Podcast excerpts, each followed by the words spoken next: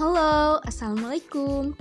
Kembali lagi bersama saya Mutiara Intisyal Amatullah. Podcast kali ini saya akan berbicara mengenai tugas akhir dari berita saya yang bertemakan Civic Affairs. Berita Civic Affairs ini saya maknai sebagai informasi mengenai suatu kegiatan individu maupun kelompok yang membahas suatu masalah yang menjadi perhatian publik. Mari kita simak beberapa pertanyaan yang akan saya jawab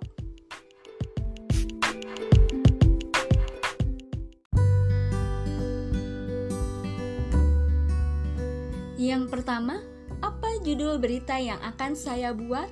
Nah, di sini saya akan mengangkat judul berita yakni Petani tetap produksi di tengah pandemi COVID-19. Kita perlu mengetahui selain tenaga medis, pertanian juga merupakan garda terdepan dalam upaya pencegahan COVID-19. Jika kebutuhan pangan terpenuhi, imunitas tubuh masyarakat akan terjaga sehingga mampu melawan virus COVID-19. Yang kedua, bagaimana sih cara saya menjelaskan dan meyakinkan berita yang saya buat kepada pemirsa? Dalam hal ini, kita perlu mengetahui bahwa tugas utama seorang jurnalis dengan etika yang baik adalah mencari, melaporkan, dan meyakinkan kebenaran kepada publik.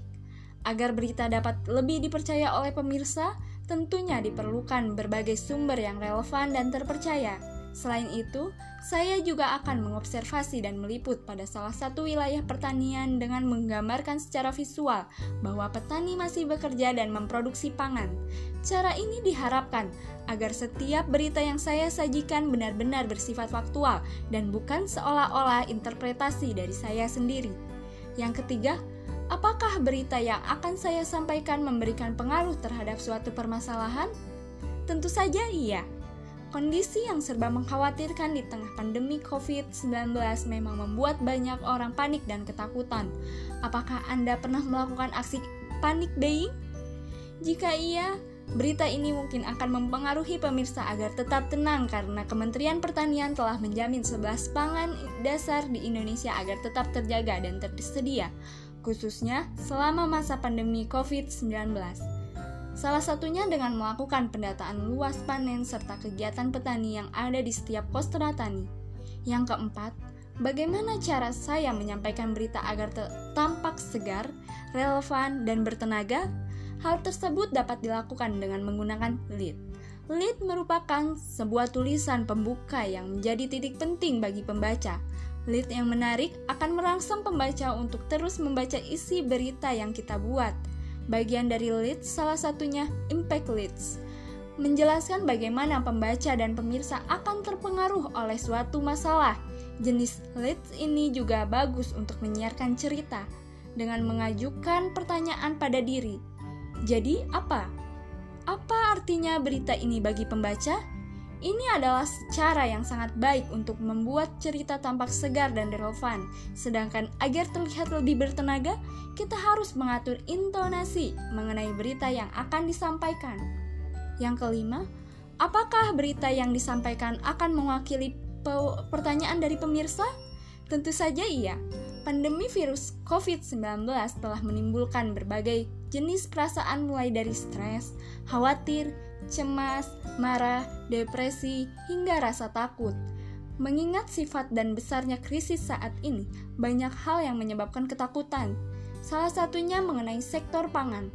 Dengan disampaikannya berita ini, maka akan terjawab bahwa Indonesia belum diprediksikan akan mengalami krisis pangan selama pandemi COVID-19.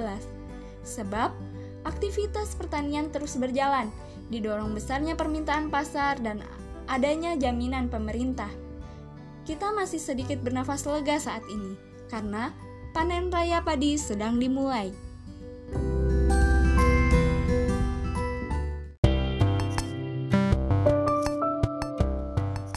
Selanjutnya, pertanyaan keenam. Apa sih arti berita yang saya buat bagi pemirsa? Makna ataupun arti bagi pemirsa tentang apa yang saya beritakan ini bahwasannya kebutuhan akan pangan terutama bahan pokok rumah tangga akan tetap dirasakan di tengah adanya pandemi COVID-19.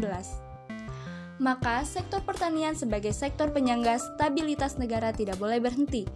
Beruntungnya Indonesia dengan mayoritas lahan pertanian di lahan terbuka dengan paparan sinar matahari yang berlimpah, maka sinar UV mampu membuat COVID-19 tidak aktif. Kondisi inilah yang memungkinkan untuk petani tetap berproduksi menyediakan bahan pangan untuk seluruh masyarakat Indonesia. Dari apa yang saya sampaikan tadi, bahwasannya berita tentang kesediaan pangan ataupun kondisi pertanian Indonesia saat ini masih sangat diperlukan bahkan sangat ditunggu-tunggu oleh pemirsa. Kenapa hal ini bisa terjadi? Hal ini karena pemirsa juga perlu tahu akan kondisi kesediaan pangan di negara Indonesia ini, khususnya beras yang termasuk sebagai bahan pokok utama masyarakat Indonesia. Dengan adanya berita seperti ini, masyarakat akan lebih merasa tenang dan bahkan bisa lebih semangat lagi untuk bisa menjalankan hidup di tengah wabah COVID-19. Pemirsa tidak akan lagi khawatir terhadap kesediaan pangan di negara Indonesia dan tidak lagi melakukan aksi panic buying yang justru akan mengakibatkan ketidakstabilan harga dan kelangkaan. Pemirsa juga nantinya akan bisa mengapresiasi pengorbanan yang dilakukan para petani sebagai garda terdepan di era pandemi COVID-19 di samping tenaga medis. Yang terakhir, apa tantangan yang dihadapi dalam membuat tugas civic affairs? Terdapat beberapa tantangan dalam proses liputan Civic Affairs ini, di mana saat observasi langsung ke lapangan, sebagian besar petani enggan diwawancara, sehingga hanya dapat meliput aktivitas mereka ketika sedang menggarap hasil panennya. Selain itu, secara teknis perlu adanya proses pengambilan gambar secara berulang untuk mendapatkan gambaran visual yang menarik, serta proses editing yang memakan waktu lama dan juga alat elektronik yang terbatas.